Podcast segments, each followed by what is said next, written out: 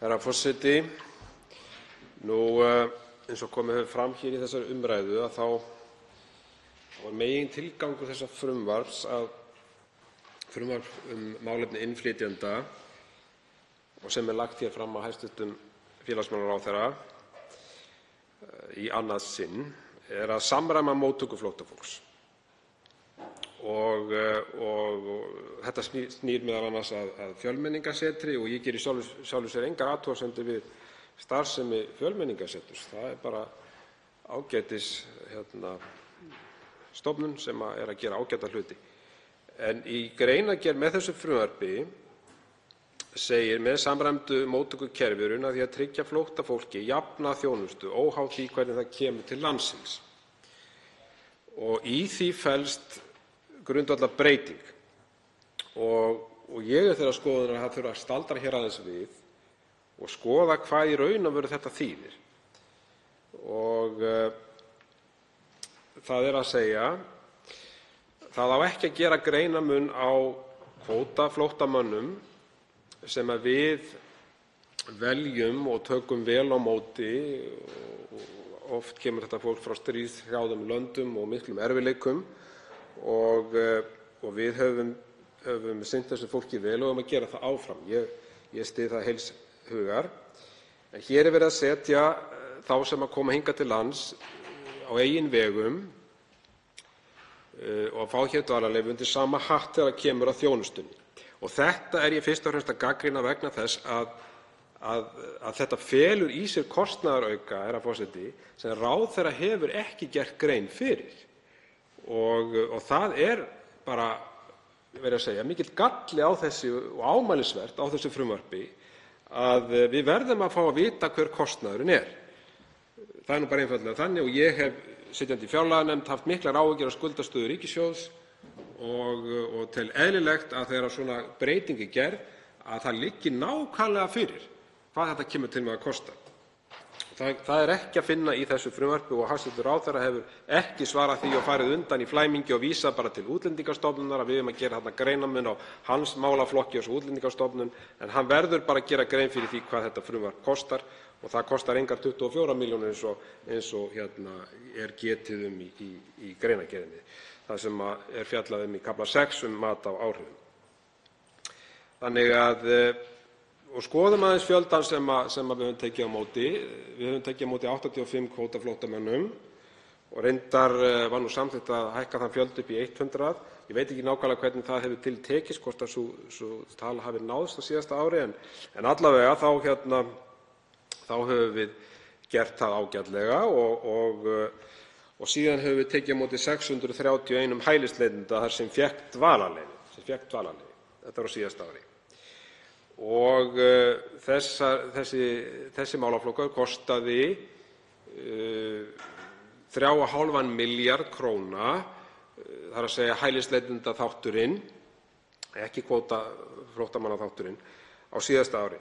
Síðan var óskað eftir aukafjárveitingu einhverra hluta vegna. Þrátt fyrir að umsóknum hafi fækkað á síðasta ári var engu að síður óskað eftir aukafjárveitingu upp á 400 milljónir og var hún samþykkt hér í fjárlagaafgreiðslunni fyrir jól.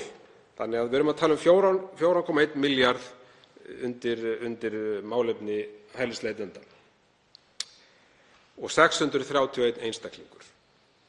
Fyrir þennan pening hefðum við getað aðstoðað 7.572 einstaklinga í flóttamannabúðum, t.d. bara í Miðausturlöndum, Jórdaníu, Líbanon, Gaza sem dæmi, fyrir þessa upphæð.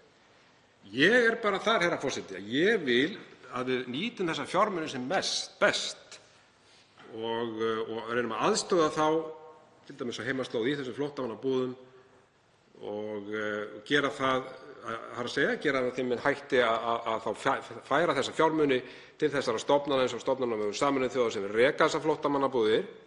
Ég hef komið í þessar flóttamannabúðir, bæði í Gaza og Jórdaníu, og þetta er ekki þannig að það séu tjaldbúðir eða þess háttar. Þetta eru íbúðir, þetta er íbúðarhúsnæði. Og það er rekið heilbrigðiskerfi fyrir flóttamennina, það er rekið menntakerfi, það er rekið félagslegt kerfi. Þetta kostar allt peninga.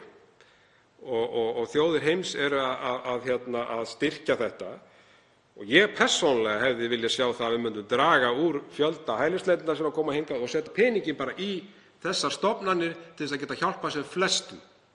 Það er líka einu sinni þannig með þetta hælisleitendakerfi okkar að það er verið að misnota það. Það vita það allir. Það vita það allir að það er verið að misnota það og fólk bíður hér mánuðum saman. Ég er ekkert að segja að allir séu að misnota það, síður en svo. Það er náttúrlega hópur þarna innan um sem svo sannarlega þarf aðstoð. En það er fólk að misnota þetta og það bíður í marga mánuði á kostnað ríkisins og er síðan vísað frá eftir marga mánuði, jafnvel heilt ár. Í sumum tilfellum þarf að veita því dvalarleyfi vegna þess að ferlið hefur tekið svo langan tíma. Þetta er það sem ég vildi koma aðeins að varðandi þá upphæð sem við erum að setja í þetta kerfi. T.d. í Líbanon eru 500.000 flóttamenn í Líbanon, það eru 2,2 milljónir í Jórdaníu, 1,4 milljónir í Gaza. Þetta er allt saman gríðarlegur fjöldi fólks sem þarf aðstoð og við eigum að aðstoða. En við gætum gert það með mun markvissari hætti með því að senda peninga til þessara stofnana Sameinuðu þjóðanna sem reka þetta kerfi. Mér finnst sérkennilegt, ég verð að segja það, herra forseti, að yfirfæra réttindi kvótaflóttafólks yfir á hælisleitendur. Þetta er tvennt ólíkt. Við erum að tala hér um fólk sem við samþykkjum að taka við og sjá um og síðan fólk sem kemur hingað á eigin vegum og sem er ekki alltaf ljóst hvort það uppfylli í raun og veru alþjóðleg skilyrði þess að vera flóttamenn. Það er margvísleg þjónusta í boði fyrir kvótaflóttamenn sem hælisleitendur eru ekki að fá ef við erum að setja þá undir sama hatt þá kostar það bara meiri pening og þá þarf hæstv. ráðherra að gera grein fyrir því það þarf þá bara að fara í fjármálaáætlun og annað slíkt. En hins vegar er þetta náttúrlega þannig að með auknum fjölda þá koma náttúrlega upphæðirnar til með að stækka og kerfið dýrara. Við erum náttúrlega að senda ákveðin skilaboð út í heim um að þessi þjónusta sé í boði og þá hefur það í för með sér að það mun fjölga umsóknum. Það er bara þannig.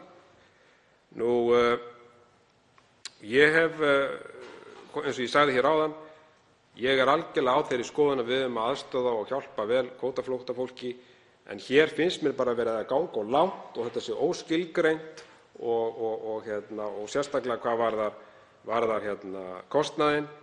Við erum þekkt fyrir það að veita mjög góða þjónustu í þessum málaflokki. Það er bara þannig og það mun þýða að hingað munu fleiri sækja.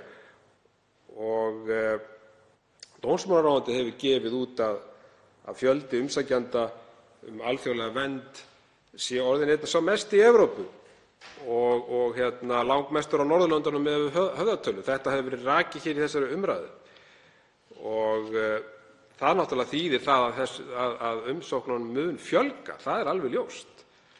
Við þurfum hins vegar að sníða okkur stakk eftir vexti og gera okkur grein fyrir því að þessu fylgir aukinn kostnaður og þann þarf þá að liggja fyrir. En það gerir það ekki í þessu máli, þ.e. það er hvergi tekið fram hvað þetta í raun og veru þýðir í kostnaði sitjandi í fjárlaganefnd, finnst mér vera alveg ótækt varðandi þetta mál. Síðan verð ég að segja að umræðan um þennan málaflokk hefur alltaf tilhneigingu til að verða óvægin og þá helst þegar rætt er um þessar tilhæfulausu umsóknir um alþjóðlega vernd sem er töluvert um. Nú er það t.d. þannig að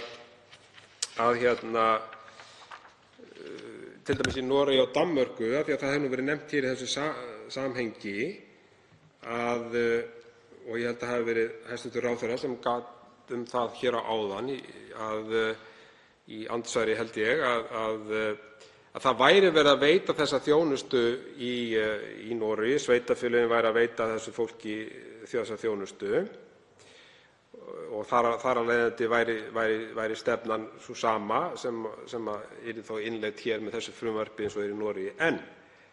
En í Noregi sérstaklega t.d., er um leið verið að sporna við því að það sé verið að sækja um í ríkara mæli um hæli.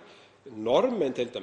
auglýsa á samfélagsmiðlunum hverjir það eru sem geta komið til landsins og fengið hæli. Það eru t.d. auglýsingar sem eru orðaðar á þann veg að ef þú ert að sækja um vinnu, ef þú ert að leita að betri lífskjörum, þá er það ekki lögmæt ástæða til að sækja um hæli í Noregi. Þetta auglýsa þeir á samfélagsmiðlunum og víða til þess að koma í veg fyrir að fólk sé að sækja um með tilhæfulausum hætti. Gerum við eitthvað svoleiðis hér? Nei, við gerum ekkert af þessu tagi, ekki neitt. Ég spurði dómsmálaráðuneytið að því hvers vegna við séum ekki að fara þessa sömu leið og Noregur þegar dómsmálaráðuneytið kom fyrir fjárlaganefnd. Og hvers vegna erum við ekki að auglýsa það að það sé ekki hægt að sækja um hæli þegar þú ert að leita að betri lífskjörum? Ég ber virðingu fyrir því, herra forseti, að fólk sé að leita sér að betri lífskjörum en það er bara ekki lögmæt ástæða til að sækja um hæli. En það er bara töluverður fjöldi sem gerir það og því fylgir heilmikill kostnaður. Þennan kostnað hefði ég viljað nota til að hjálpa flóttamönnum sem þurfa virkilega á því að halda, t.d. í flóttamannabúðum. Á sama tíma er verið að tefja málin marga mánuði, lögfræðikostnaður og alls konar kostnaður vegna þess að svo kemur á daginn að viðkomandi hafði ekki rétt á að sækja um hæli. Ég hefði bara viljað sjá þennan pening notaðan t.d. bara í Miðausturlöndum, t.d. bara í flóttamannabúðum á Gaza en ekki í einhvern lögfræðikostnað hér sem dæmi. Þannig að það er bara margt sem þarf að laga og það þarf að koma því skilmerkilega á framfæri hverjir geta sótt hér um og hvað eru lögmætar ástæður til að sækja hér um. En það erum við hins vegar ekki að gera. Við erum öll sammála um að gæta mannréttindum og við erum öll sammála um að við eigum að aðstoða þá sem þurfa þess á erfiðum tímum. En ég geri hins vegar líka ráð fyrir því, eins og ég segi, að við séum öll sammála um að það sé ekki ásættanlegt að sumir nýti sér þetta kerfi með tilhæfulausum umsóknum, með tilheyrandi töfum fyrir þá sem raunverulega þurfa ástæðuna við gætum þá nýtt þessa fjármuni mun betur þar sem fjöldinn af flóttamönnum er, eins og t.d. í þessum flóttamannabúðum sem við höfum rætt hér. Það er rétt að minnast á það var t.d. haft eftir núverandi fjármálaráðherra, þáverandi forsætisráðherra, Bjarna Benediktssyni, fyrir held ég þremur árum þar sem hann var að ræða um tilhæfulausar umsóknir og reynslu stjórnvalda í öðrum löndum þar sem mikilvægt að beita þessari samræmdu túlkun reglnanna. Ég tek heils hugar undir þetta. Það erum við ekki að gera og ég segi fyrir mitt leyti að það mætti halda að við séum að líta á þetta sem eitthvert séríslenskt vandamál. Það er ekki þannig. Það er verið að nota þetta kerfi, misnota þetta kerfi víðs vegar um heim og það eru fjöldadæmi þess frá öðrum löndum og þá sjáum við t.d. þessi skilaboð frá norskum stjórnvöldum vegna þess að það er verið að misnota kerfið. En þau koma því skilmerkilega á framfæri á öllum helstu netmiðlum að þeir sem þangað koma í leit að alþjóðlegri vernd fái ekki hæli undir ákveðnum kringumstæðum. Síðan hefur verið nefnt hér önnur ríki eins og Grikkland og aðstæður vissulega ekki góðar þar. Það eru u.þ.b. 50.000 flóttamenn í Grikklandi. Ég held að það hafi verið 120.000 umsóknir um alþjóðlega vernd á síðasta ári í Grikklandi. En Grikkland er jú Evrópusambandsland og ætti Evrópusambandið þá náttúrlega að aðstoða Grikki við að taka sómasamlega á móti þessu fólki. Hér erum við að veita fólki alþjóðlega vernd sem hefur fengið hæli í flóttamannabúðum í Grikklandi en þær eru ekki taldar boðlegar.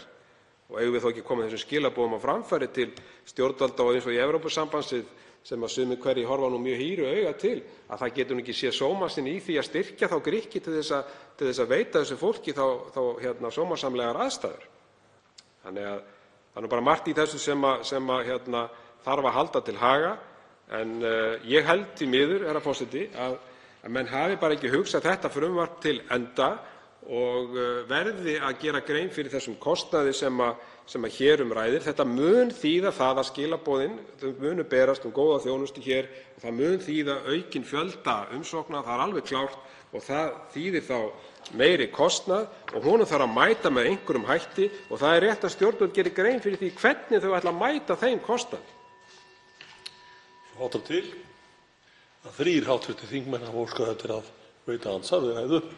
hv. þingmanns og fyrstur veitir andsvar hæstv. félags- og barnamálaráðherra